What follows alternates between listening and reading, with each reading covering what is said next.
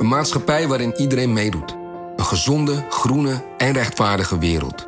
Daar willen jij en heel veel andere mensen best iets aan bijdragen. In het klein en in het groot. Dicht bij huis en ver weg. Zo hebben we vorig jaar 349 miljoen euro bij elkaar gebracht. Miljoenen waarmee onze goede doelenpartners de wereld elke dag een beetje beter kunnen maken. Nationale Postcode Loterij. Samen voor een betere wereld.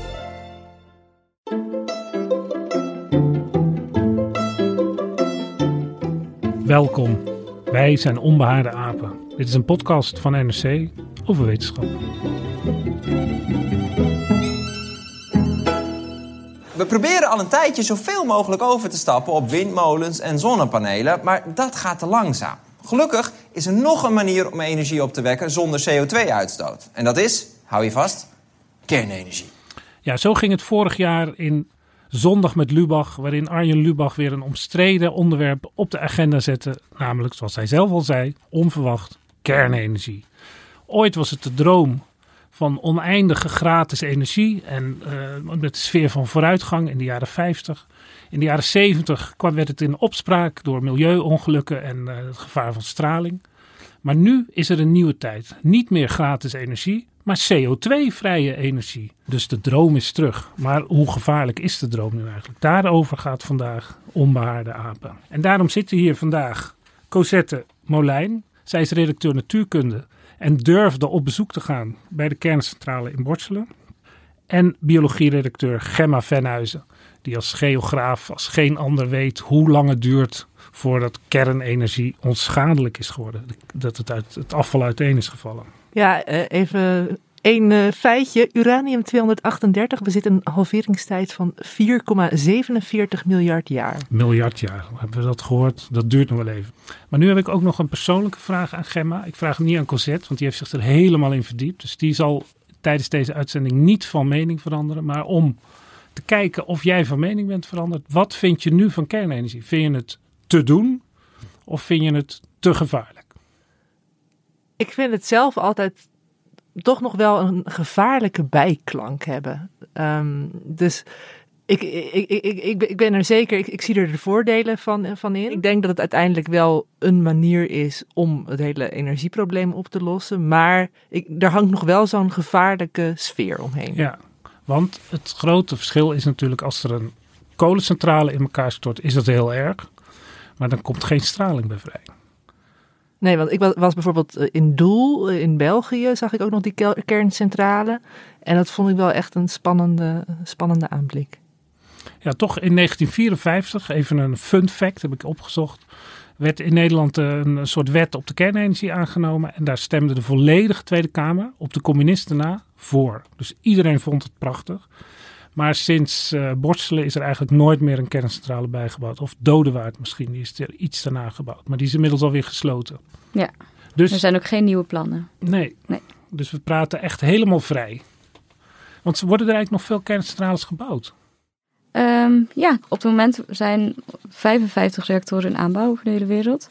Er zijn ongeveer, in 2018 waren er 450 uh, in gebruik. We, we, we, kennen die, die vorm van die kerncentrales wel, zo'n zo peper- en zoutvaatje-achtig, waar allemaal waterdamp uitkomt. Maar wat gebeurt er precies in zo'n kerncentrale? In een kerncentrale staat een reactorvat, zo'n groot vat met heel veel splijtstaven erin. En in die staven vindt kernsplijting plaats. In dat vat eigenlijk. In het reactorvat wordt energie gehaald uit het proces van kernsplijting. Over het algemeen gebruiken we daar uranium voor, het uranium-235. Als je op zo'n deeltje, zo'n kern, een neutron afvuurt, dan uh, onder de juiste omstandigheden splijt het element zich in twee nieuwe deeltjes. En daar komt energie bij vrij en nieuwe neutronen die je nodig hebt voor de volgende kernsplijting. Dus als het eenmaal begint, dan gaat het verder. Een kettingreactie. Ja, en daarmee kan je een kettingreactie veroorzaken. En die energie die vrijkomt, dat is warmte. Ja, energie heet. dat verwarmt water. Dat uh, zo warm wordt dat het stoom afgeeft. En je er een stoomturbine mee kan aanvoeren en zo elektriciteit opwekt. Dus het, uh, waar in een uh, traditionele elektriciteitscentrale die warmte wordt gevormd door het verbranden van gas of kolen of dieselolie misschien zelfs wel is het hier die kernsplijting. En verder is Ja. het een, gewoon een reguliere energiecentrale met grote elektriciteitsturbines die Ja. op stoom werken. Klopt. Maar wij hebben het nu over dat stukje waar, die, waar dat uranium in zit. Ja, dat En- reactorvat. Ja. Ja, en jij, Gemma, jij had het al over een kettingreactie. Dan denkt natuurlijk de gemiddelde persoon ook gelijk aan een bom. Een kettingreactie. Dat is altijd een bom. Ja, Gemiddelde persoon klinkt- denkt heel vaak aan een bom, ja. Het is in dit geval een beetje de bedoeling dat je dat dus hebt. Je wil die reactie eigenlijk gaande houden. Dus dat er met genoeg neutronen nieuwe splijtingen eh, veroorzaakt blijven worden. En ehm, nou ja, zo heb je die reactor dus eh, lopende. Dan blijft hij lekker warm Ja. en dan hoef je er niks aan te Dan doen. blijf je dus eh, alleen omdat er meerdere, meer neutronen bij vrijkomen, zou het, als je er helemaal niks aan doet, loopt die kettingreactie uit de hand. Want dan loopt het aantal splijtingen ook exponentieel toe. Dus wat je daarvoor kan doen is ofwel die neutronen afremmen, zodat ze te traag worden. Of je kan er eh, staven in hangen eh, met een element zoals boor erin, dat neutronen opvangt. Wat is er erg aan als er te veel splijtingen plaatsvinden? Wordt het dan te warm in zo'n reactorvat? Ja, dan heb je eigenlijk, eigenlijk een soort van bom. En dan, eh Dan kunnen er kan dus de kern smelten, ja. gebeuren. Ja. En eh, is er ook iemand die dat heeft uitgevonden eigenlijk? Die, eh, Ja, zeker. Er hebben ontzettend veel mensen aan gewerkt vorige eeuw. En de eerste reactor die kritiek werd, dat was een experiment onder leiding van de Italiaans-Amerikaanse natuurkundige Enrico Fermi. Dat was in 1942. In 1945 heeft hij daarover eh, zijn beroemde artikel gepubliceerd, waarin hij dus beschrijft hoe ze in, eh, in een lab, een ondergronds lab op de Universiteit van Chicago, eh, dat experiment uitvoerden. En eh, dat was ja, toen nog veel meer houtje touwtje. Dat was echt een, echt een testreactor. achter een gordijntje. De, de natuurkundigen het- die, die het liepen daar van- ook gewoon rond en op en in. En ja, bijna Dus ik zou bijna vragen, hoe oud is Fermi geworden? niet zo oud. Ehm 53 volgens mij. Overleden aan kanker. Ehm, ja, In 1942, dan denk ik gelijk, dat was onderdeel van het militaire project om een atoombom te maken. Of was het... eh, ja, hij maakte ook, eh, hij zat ook bij die groep inderdaad. Ja, Want het is dezelfde kennis in zekere zin. eh. klopt. Net als Maar- Heisenberg, Einstein. Ja, hebben daar allemaal aan meegewerkt. Ja, en in die bom loopt dus die kettingreactie wel uit de hand. En wij proberen in die kernreactor dat binnen de perken te houden. Dat... Ja. Nou, eh, we weten nu een beetje hoe het werkt. En hoe ging dat toen je dus naar de enige werkende kerncentrale ging die Nederland telt, in Borselen? Vertel eens, hoe ging dat? Toen was het, ja, een domme vraag natuurlijk, was het goed bewaakt? Ja, nee, zeker. Eh, er staan eh, allemaal veel hekken omheen. Ehm, je rijdt naar binnen, moet je je melden. Eh, je bent ook al aangemeld natuurlijk van tevoren, ze weten dat je komt. Ik stapte de auto uit en ehm, het eerste wat me opviel was dat alle auto's op het terrein achteruit ingeparkeerd stonden. Met een neus. Met eh, een neus naar dus voren. naar voren inderdaad, wegrijden. zodat je meteen weg kan Zo rijden. Ja. parkeer ik altijd. Kijk, Jij bent altijd voorbedacht op een ramp. Ja. En eh, wat je ook hoort zijn allemaal eh, piepjes in de lucht.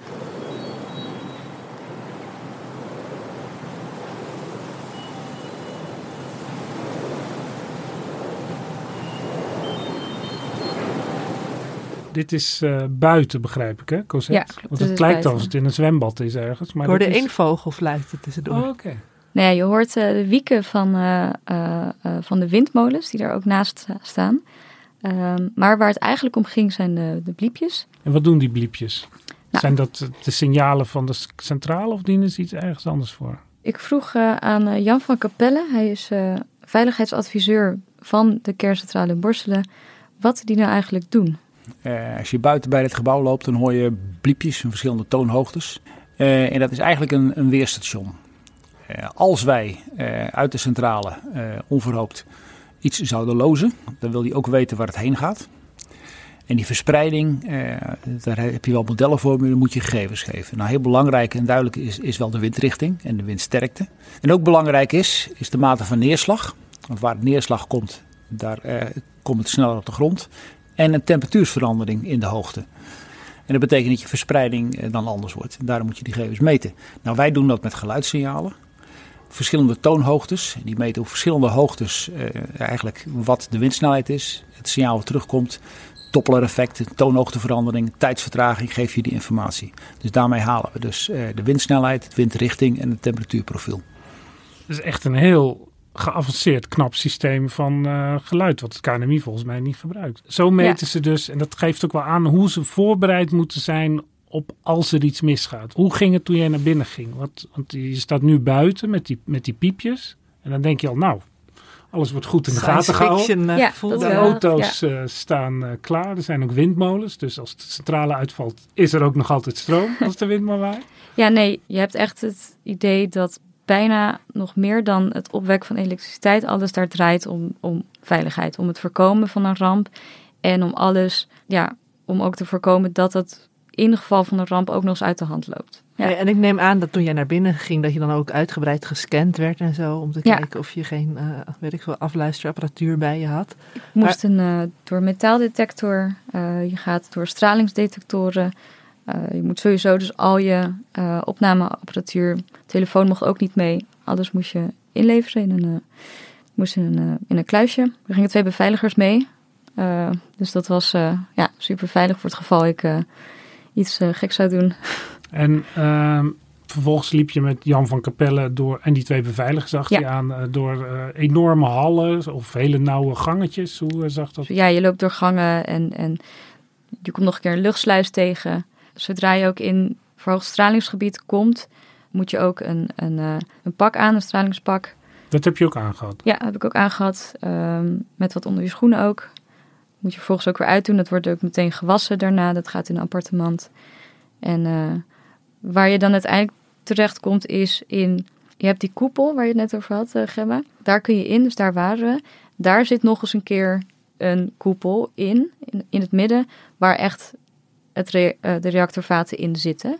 Daar daar zit nog eens een hele muur van beton tussen. Dus daar wil je natuurlijk niet eens echt bij komen, door. Daar wil je ook niet bij komen. Nee. Dus, en die betonnen bunker, daar zit het Ja. uranium en de werkende splijtstof. Maar wat ik me afvraag, hè, eh, eh, je zei net al van het is een soort kettingreactie, het houdt zichzelf in stand. Is het dan een perpetuum mobile? Hoeft nooit iemand in die betonnen bunker aanwezig te zijn? Houden ze alles vanaf computers in de gaten? Of- Ehm, nou, op zich, eh, nee, het is geen perpetuum mobile. In principe, eh, die splijtstaven worden eh één keer in zoveel tijd, wanneer er eh, genoeg uranium is verbruikt en je eigenlijk nog te weinig splijtingen kunt veroorzaken, dan worden ze vervangen. Dus zijn ze uitgewerkt? Ja, zijn ze uitgewerkt. Ja, en dat doen ze dan ook weer met allemaal beschermende pakken en zo natuurlijk. Ja, robots, ja, en dat gaat inderdaad met robots van bovenaf. En dat gebeurt ook allemaal onder, in dit geval het water. Dat gebeurt allemaal water. Ja, zo wordt dat eh, vervangen met een grote robot van bovenaf, ja.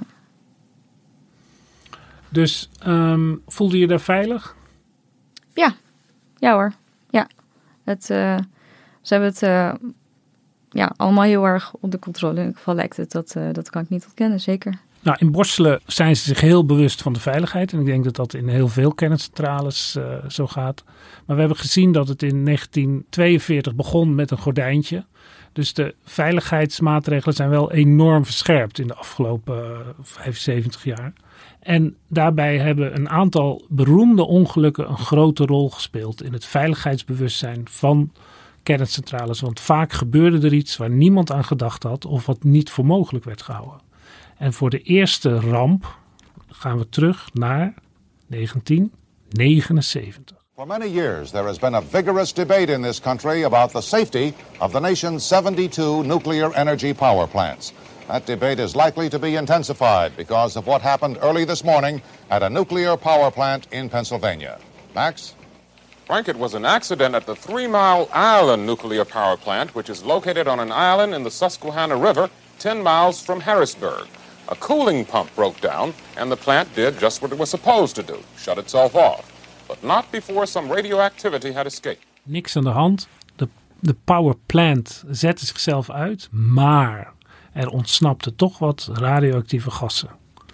Wat is daar precies gebeurd, eh Cosette, in 1979? We zitten in Harrisburg, eh, Pennsylvania in de Verenigde Staten. Wat daar gebeurd was, is dat achteraf bleek dat er na een onderhoudsbeurt eh, koelwater was weggelekt.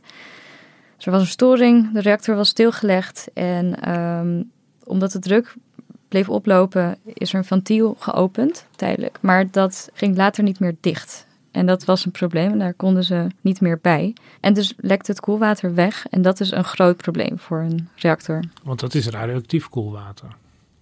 Nou, het gaat er voornamelijk om dat. ehm, kijk, die reactor was stilgelegd. Dus in principe houdt de kettingreactie dan eh, op. Maar er blijft nog altijd eh, warmte geproduceerd worden. Wel veel minder, maar dat blijft nog wel gebeuren. Dus wat je dan nog altijd moet doen, is die reactor, dat reactorvat, koelen.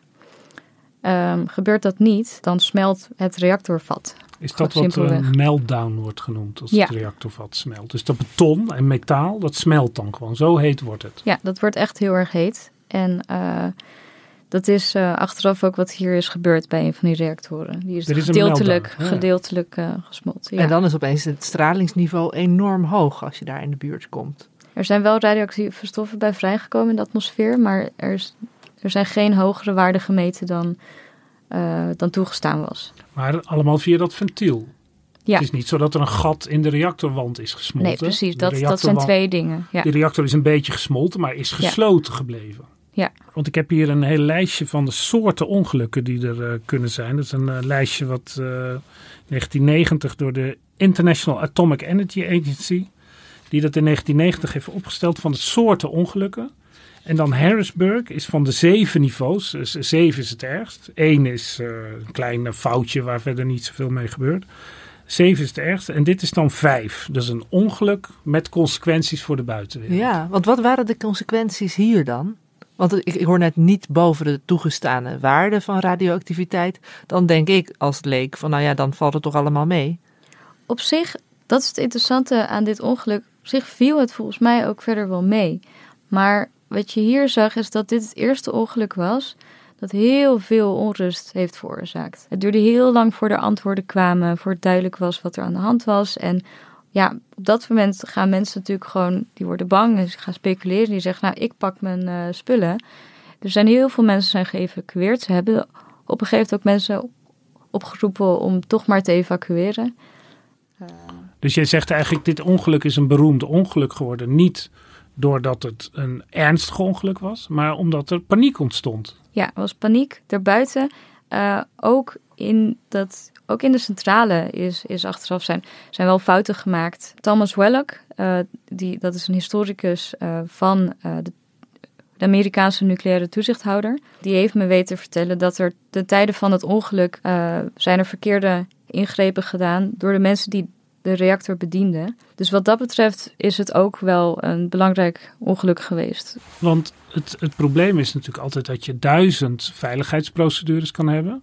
Maar dat mensen in paniek, die die centrale moeten bedienen, misschien de verkeerde knoppen indrukken. Ja, dat hebben ze in dit geval ook gedaan. Dus een van de lessen die uit dit ongeluk is dat er meer aandacht moest komen voor de gebruikersvriendelijkheid van die bediening. En dat je voor precies de juiste informatie moet zorgen op het moment dat er een probleem is. Het was een soort wake-up call, denk ik haast, voor die hele eh, kernenergieveiligheid. En, en Ja, want er was natuurlijk al tien jaar lang een milieubeweging die zich een beetje zorgen maakte om eh, eh, dit soort dingen. Maar dit was ineens dat duidelijk was dat het fout kon gaan. Ja. En Fun fact ook nog trouwens. ehm, echt vlak voor dit ongeluk kwam die film uit, The China Syndrome. The China Syndrome. It will start with a tremor in a nuclear power plant. Where it will end will depend on three people. I would say you're probably lucky to be alive. Same for the rest of Southern California. Wat was dat voor film? Het is een beroemde film, de China Syndrome. De naam betekent geloof ik dat eh, een, een kerncentrale zo heet wordt dat die naar de andere kant van de aarde zal eh, smelten Ja. door de aardkorst heen. Hè, dat was een beetje dat... dat- sci-fi. eh, ja, in Nederland- sci-fi ding. Ja. In Nederland zou het dan het, eh, het New Zealand Syndrome eh, heten. In werkelijkheid kan dat denk ik niet. Dat Nee, het niet nee, zo heet kan het het in een andere podcast gaan we het over Maar hebben. het, Over. het is een spectaculaire, dramatische film. Ja. Eh, en hier in deze film smelt inderdaad de kern van een kerncentrale. Oh, en dan is zo- zo'n ramp die vervolgens echt gebeurt. Ja, dat is natuurlijk extra veel paniek. Ja. Dat was 1979, een wake-up call voor veilige kerncentrales. Je zou denken, alles gaat beter, maar dan wordt het 1986. На Чернобыльской атомной электростанции произошла авария.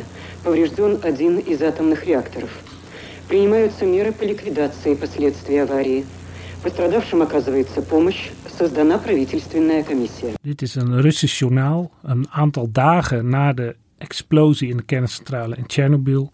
En de presentatrice zegt: Er is een ongeluk gebeurd in de kernreactor van Tsjernobyl. Een van de reactoren is beschadigd. Er worden stappen ondernomen om de situatie het hoofd te bieden. En hulp wordt geboden aan de slachtoffers.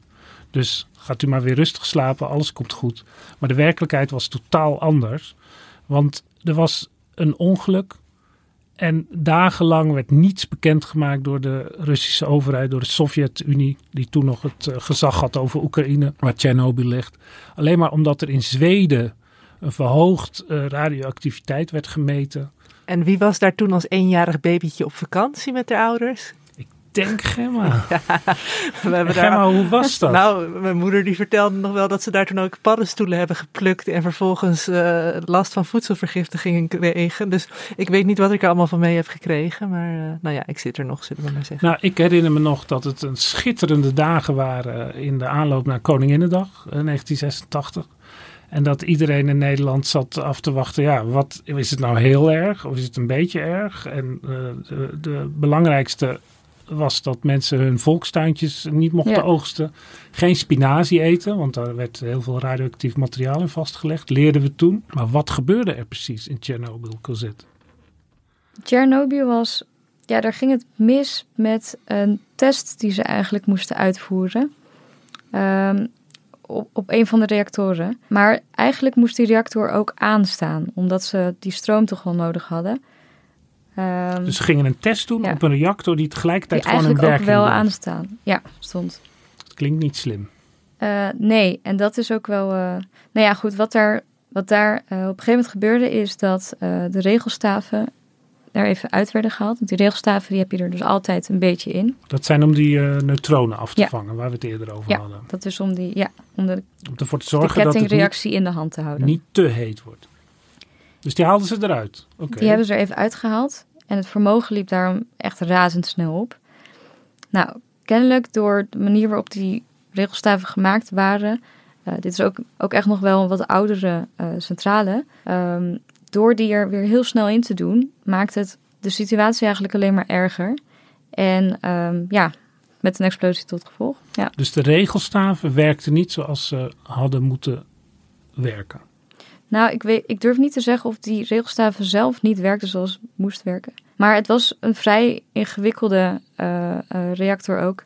En wat sowieso nooit had mogen gebeuren, is een test op een werkende eh, reactor. Ik herinner me uit die tijd dat er ook voortdurend door de Nederlandse autoriteiten werden gezegd dat de reactor zoals in de Sovjet-Unie werd gebouwd, eh, niet in het Westen stond. Dus alle reactoren, zoals Borselen, die toen ook al werkte, en Dodewaard, die er nog was, waren hele andere centrales dan die in eh Tsjernobyl. Ja. Want wat was dan precies het verschil? Want het is allemaal een reactorvat met regelstaven. Ja, maar dat kan best wel ingewikkeld zijn. Je kunt andere, eh, net andere stoffen gebruiken. Die regelstaven kunnen net anders in elkaar zitten. Het kan verschillen in ehm, of het water dat je gebruikt om stoom te genereren, of dat ook je koelwater is, of dat dat via een ander kanaal gaat.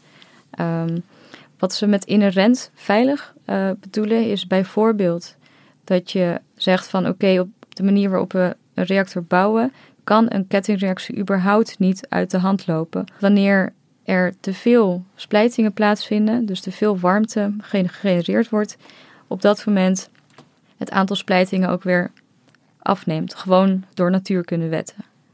Dat is inherent veilig. Dat is gewoon de manier waarop dat uranium in dat vat zit. Ja, Ja, maar dat was In duidelijk geval hier in dus Chernobyl. Dus niet. dat eh, was waarschijnlijk nee. niet het geval. Ja. Nee. Eh, en dat was echt wel heftig. Want ik bedoel, eh, nou ja, er zijn allemaal mensen ook overleden door stralingsziekte toen. Ehm, het mensen, aantal mensen, of kinderen ook met, met schildklierkanker, nam ontzettend toe. Omdat dat allemaal via de, de Ja, moedermelk... want de, de, de explosie veroorzaakte een, een, een verspreiding in de lucht van eh, eh, allemaal radioactieve elementen, omdat het dak van de kernreactor was eraf. Ja. En dat werd over een groot gebied verspreid, vooral in eh, Oekraïne. Ja, cesium had je onder andere. Dat was vrij kort, maar wel heel sterk radioactief. er zijn heel veel mensen die daardoor oogaandoeningen hebben gekregen. Nou, je hebt dus die baby's met, met schildklierkanker. En wat ik altijd wel het opmerkelijke vind tegelijkertijd, is dat ze toch zeggen van uh, Tsjernobyl was nog minder schadelijk wat, wat radioactiviteit betreft dan bijvoorbeeld de uh, atoombom, dan uh, Hiroshima. En um, er was een column van Martijn Katan eerder dit jaar, dat we in de wetenschapsbijlagen. En die zegt, zelfs bij die atoombom is bijvoorbeeld het effect op borstkanker nog minder dan je hele leven lang twee glazen wijn per dag drinken. Dus als je in Hiroshima uh, woont. Ja, uh, komt het dus, dus, dus, dus ik raak daar altijd een beetje van in de war. Want aan de ene kant heb je dus die, die hele heftige stralingsziektes. En waar, kun je er ook echt aan overlijden. Maar op de lange termijn is dus de, de, de dodelijkheid van die straling lijkt toch net wat minder te zijn. Er zijn natuurlijk verschillende gevaren van radioactief materiaal. De eerste is natuurlijk de directe straling die wordt uitgestoten. En bij Tsjernobyl, toen het dak van de uh, centrale eraf was, toen lag de, de, de, de, het reactorvat bloot.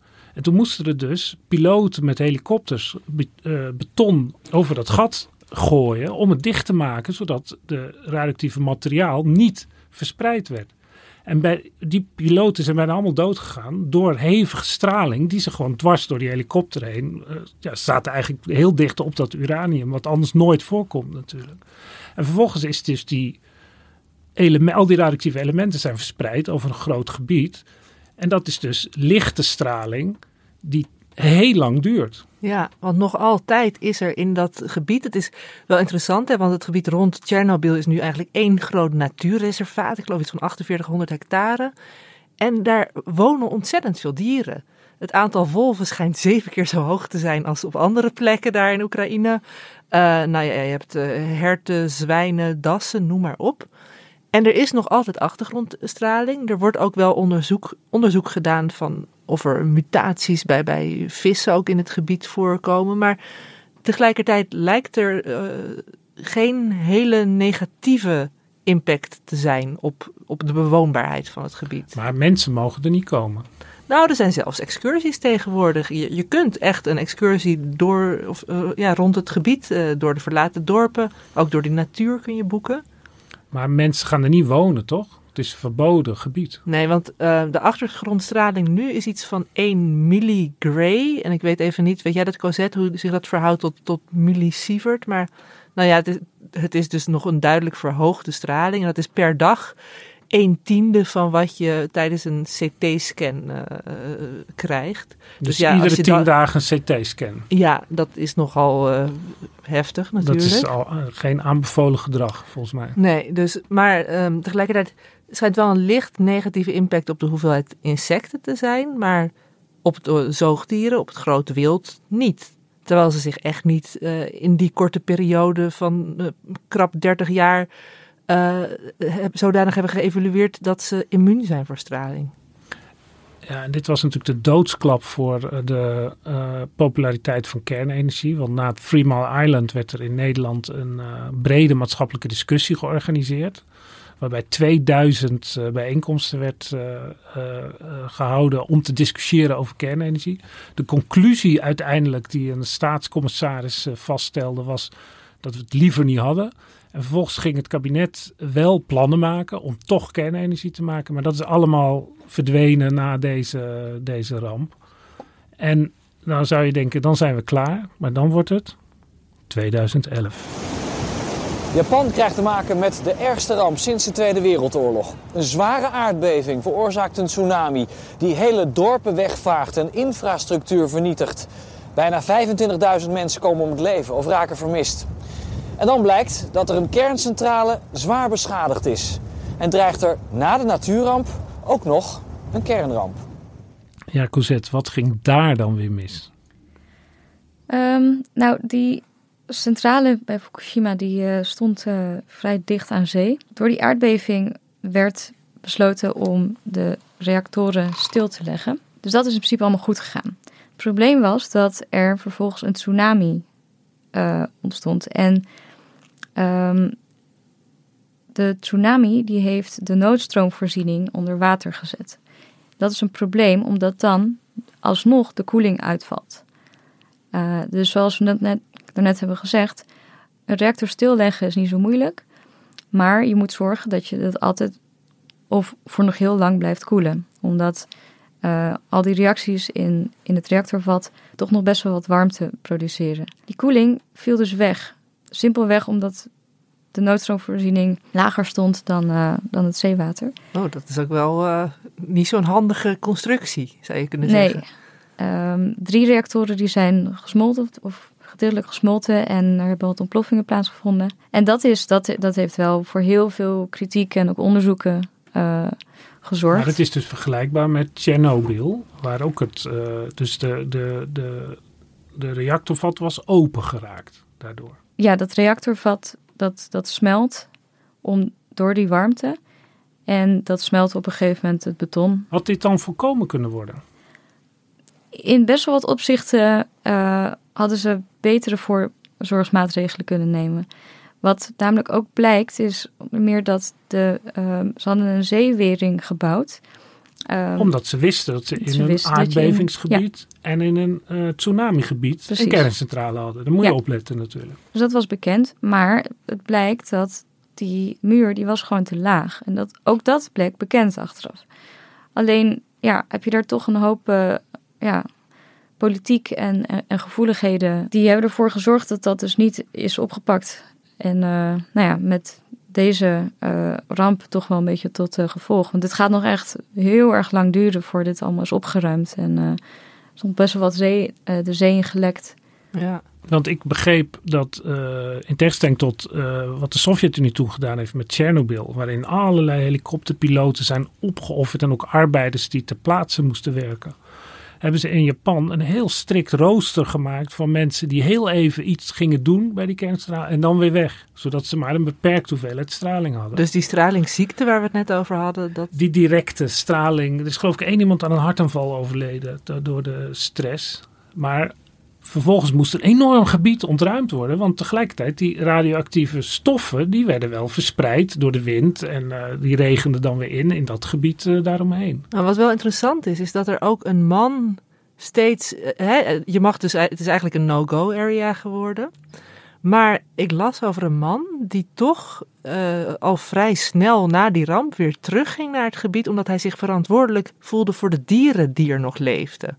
En die hij dus eten moest gaan geven. En dat ging, uh, nou ja, volgens mij over, over schapen en vogels en vee. Maar ik vond, ik vond die toewijding, dat, dat, dat vond ik, dat raakte me. Dat hij met gevaar voor eigen leven. En, en leeft hij nog? Is het afgelopen met hem? Nou, dat was interessant. was een boer, um, Naoto Matsumara.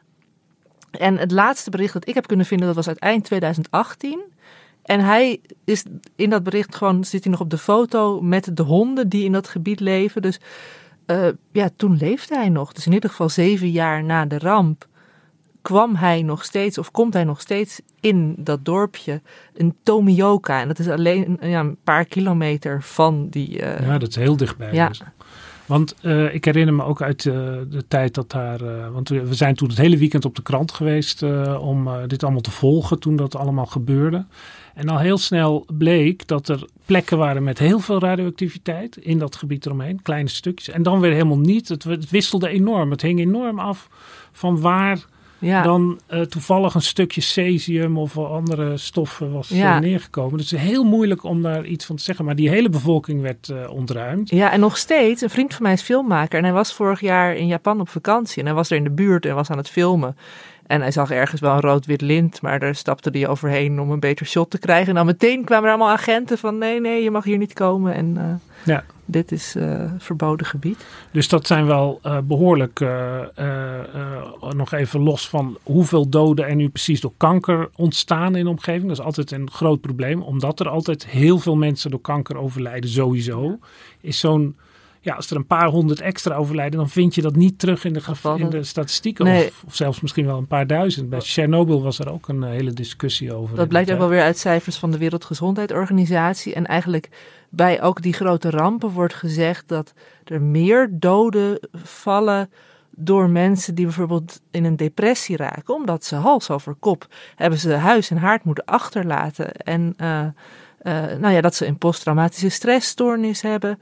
En dan zodoende eh, zelfmoord plegen. En dat dat dus eigenlijk het echt ja, het, het sluimerende Ja, ja. gevaar is. Dat het zo'n impact op je leven. Je kunt het je niet voorstellen dat je gewoon opeens eh, van de een op de andere dag dat jouw jouw woonplek tot onbewoonbaar gebied wordt verklaard.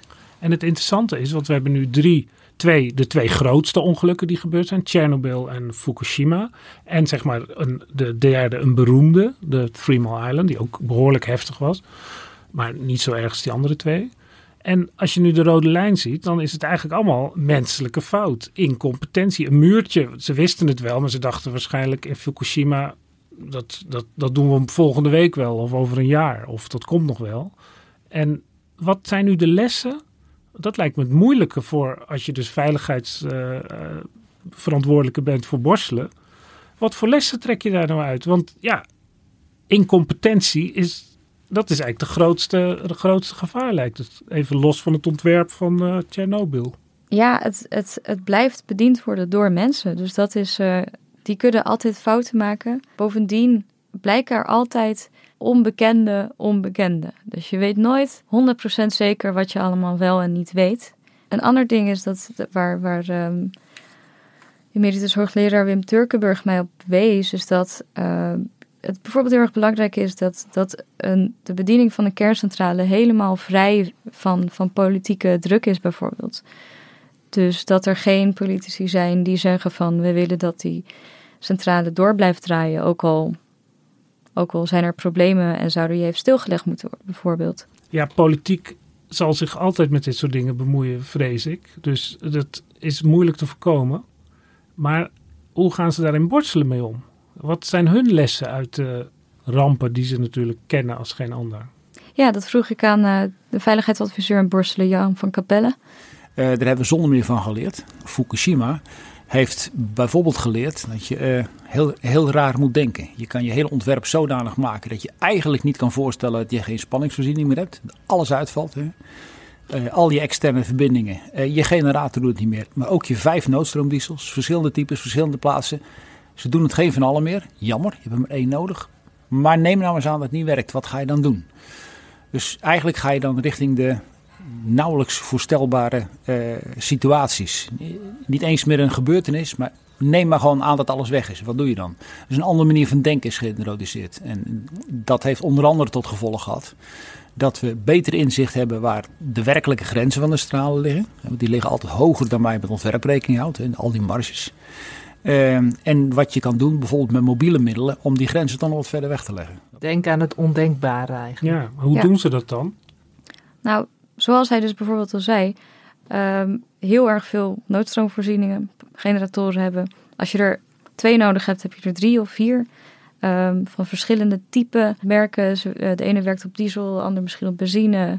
eh, om maar te voorkomen dat zelfs een ontwerpfout in dezelfde soort generator ehm, er niet voor kan zorgen dat alles ineens niet werkt. Je moet echt vijf backups hebben, het liefst, zoveel mogelijk. En het belangrijkste gevaar is dus die koeling. Die koeling. ja, dat de- is de- eigenlijk, deze dagen is dat het belangrijkste. En, ja. en de koeling dus als eh, de reactor is uitgezet, het doorwerken van dit eh, reactormateriaal, dat Ja. moet gekoeld worden. Ja. Maar er zijn natuurlijk, eh, ehm, het, dit zijn intrinsieke gevaren. Ehm, maar er is eigenlijk al sinds, sinds het begin van, van het ontwerp van kerncentrales is ook nagedacht over gevaren van buiten. Ja, ik herinner me altijd het klassieke vliegtuig wat op een kerncentrale kan Ja, neerstorten. heel veel studies van gedaan. Is dat Ja, ooit hoor. gebeurd eigenlijk? Voor zover ik weet niet. Nee, anders zouden we het wel in ons Nee. lijstje ja, te rampen inderdaad, hebben. ja, denk misschien wat hij net uitgezet was. Nee, maar dat is, eh, daar is altijd rekening mee gehouden. Eh, ze hebben dat bijvoorbeeld ja, in veel beleidstukken hebben ze dat heel lang nooit letterlijk zo neer willen zetten. En dus is het altijd opgeschreven als een ongeluk met een vliegtuig. Maar dat kan natuurlijk ook moedwillig gebeuren. Ehm, of cyber, cyberaanvallen. Want eh, hoe, is de, hoe is de borstelen beveiligd voor cyberaanvallen eigenlijk? Moeten we ook niet te veel over prijs geven misschien. Nou ja, goed, daar heb ik ook niet zo heel veel over gehoord. Dus dat is scheelt. Wat ik wel weet is dat, nou ja, zoals ik in het begin al zei, ik mocht geen opnameapparatuur mee naar binnen nemen. Eh, ook mijn telefoon niet. Eh, en ehm, dat systeem waar zij op werken is niet verbonden met de buitenwereld. Dus ah, het staat niet op internet. het staat niet op internet, wat dan ook. Dat is allemaal intern. Ehm, en ja, verder is dat vast nog veel beter beveiligd, maar dat eh, heb ik natuurlijk ook niet horen gekregen. Nou is er nog in de discussie altijd een kwestie van het afval. Dat is een hele andere discussie. Want dat gaat er dus gewoon om. Dat is geen gevaar van oververhitting. En dat is geen gevaar van eh, eh, core breach of meltdown. Maar dat zijn gewoon vaten met spul wat eindeloos radioactief blijft. Ja, en dat is wel heel interessant. Want kijk, wij weten allemaal van, oh, we moeten bij die vaten uit de buurt blijven. Als we tenminste weten waar ze liggen. Maar in de toekomst. Ze staan bij ik bedoel- Borselen volgens mij. ja, maar in de toekomst, stel dat over duizenden jaren dat, dat die vaten ergens liggen opgeslagen en niemand weet dat nog. Ja, dan eh, begin je in de grond te graven en dan eh, kom je opeens flink wat eh, radioactief afval tegen. Dus Ja. dat is een soort, een soort heel abstract probleem over, de, over de veiligheid die daarmee gemoeid gaat. Ah, al het radioactieve afval dat in Nederland wordt eh, geproduceerd, dus dat komt uit Borselen, maar, maar ook eh, ehm, uit petten, waar eh, medische isotopen worden gemaakt. Eh, Er wordt ook onderzoek gedaan in Delft. Dat gaat allemaal naar, naar Frankrijk, waar de bruikbare delen van het afval worden gescheiden van de afvalstoffen zelf. Ehm, en vervolgens gaat het afval terug naar Nederland. Ehm, In glas gegoten. in glas gegoten, ja, klopt, inderdaad. In Frankrijk wordt dat in glas gegoten, zodat het zo, ja, zo onbeweegbaar mogelijk eigenlijk is. Dat afval gaat van Frankrijk terug naar Nederland en wordt bij Covra opgeslagen. Dat, dat, dat, eh, dat opslagcentrum staat in eh, Zeeland. Oh, lekker dicht bij eh, de kust, ja. Ja. Ja. Boven of onder NAP, wil je dan weten. Klinkt niet heel veilig met een overstroming of zo. Nee, dat maar- is, eh, nou ja, goed, dat zijn een aantal gebouwen voor eh hoog radioactief afval, voor eh, verarmd uranium, dus dat uranium dat al is verbruikt. Ehm, en ook afval dat, dat minder radioactief is. Dat wordt daar opgeslagen voor 100, 150 jaar. Dus dat is echt een tijdelijke opslag. Eh, en zij zijn ook wel heel hard bezig met eh, het nadenken over hoe gaan we uiteindelijk die eindberging doen. Maar daar hebben ze dus 100 jaar de tijd voor. ja, Ja, voorlopig nog maar daar zijn ze nu eigenlijk in Finland heel erg mee bezig op het moment. Hè? Dat, eh, hebben jullie gehoord over dat eilandje Olkiluoto? Een beetje voor de kust van, eh, nou wat is het ergens bij Zuid-Finland, eh, zuidwestkant. En ehm, daar heeft Onkalo, zo'n bedrijf, die wil er echt diep in, in de, de, de harde gesteente, diep in die rotsige ondergrond, willen ze een super lange termijn opslag voor Ja. kernafval eh, zijn ze aan het maken. En daar wordt dan ook weer in koper en klei gegoten en zo. In Nederland ging het altijd over de zoutkoepels. Dat het daar zou kunnen. Ja, maar dat, Maar dat is altijd Nederland is zo onstabiel. Kijk, het fijne daar aan Finland is, het ligt ook niet in aardbevingsgebied. Het is gewoon keihard steen. Ja, het ligt dus wel ook weer dicht bij de kust. Maar ehm, ze hebben het zo goed diep daar, daar onder, eh, onder de grond weggestopt. Dat zij zeggen, dit is echt het allerveiligste wat je kunt doen met je kernafval.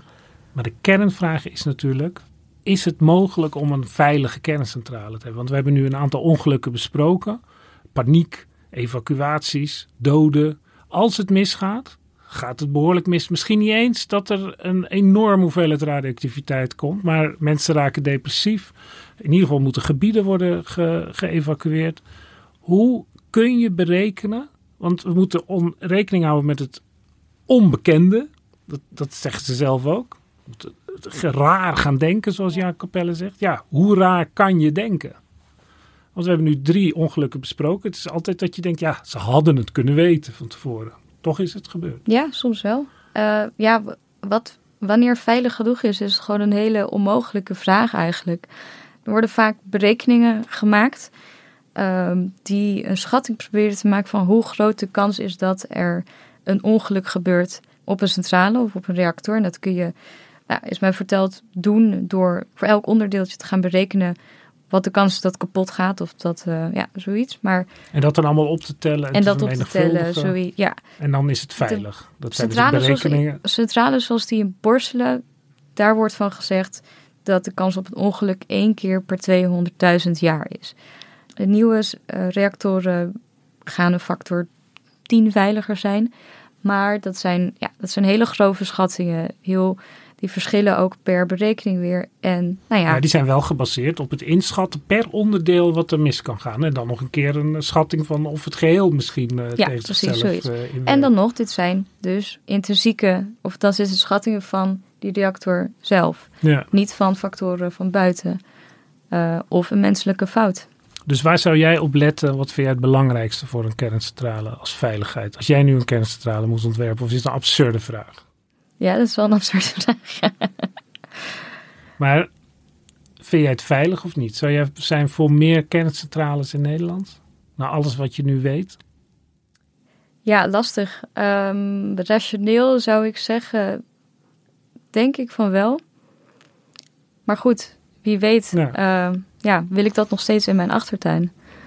Ja, dat is vers Dat is, twee eh, natuurlijk. Ja, We gaan hem sowieso aan de kust bouwen, vrees ik. En zorgen dat je auto de goede kant uit geparkeerd staat. Dat geeft ook al een beetje een... eh, En jij. Gemma, waar sta Ja. jij nu? Nou ja, ik denk ook, ik, ik, ik, ik wil er niet per se naast wonen. Nou ja, ik vind ook de hele discussie die er... we- Daar hebben we natuurlijk ook al een keer een podcast over gemaakt, over kernfusie. Eh, dat vind ik ook nog steeds interessant. Maar ja, daar wordt steeds van gezegd, dat duurt nog minstens 50 jaar. En eh, tot die tijd, ja... We, we moeten zoeken, we moeten blijven zoeken naar alternatieven voor fossiele brandstoffen. En ik denk dat het daarom wel goed is om over kernenergie te blijven praten, maar ook om te blijven kijken naar het verleden. Er gaat altijd.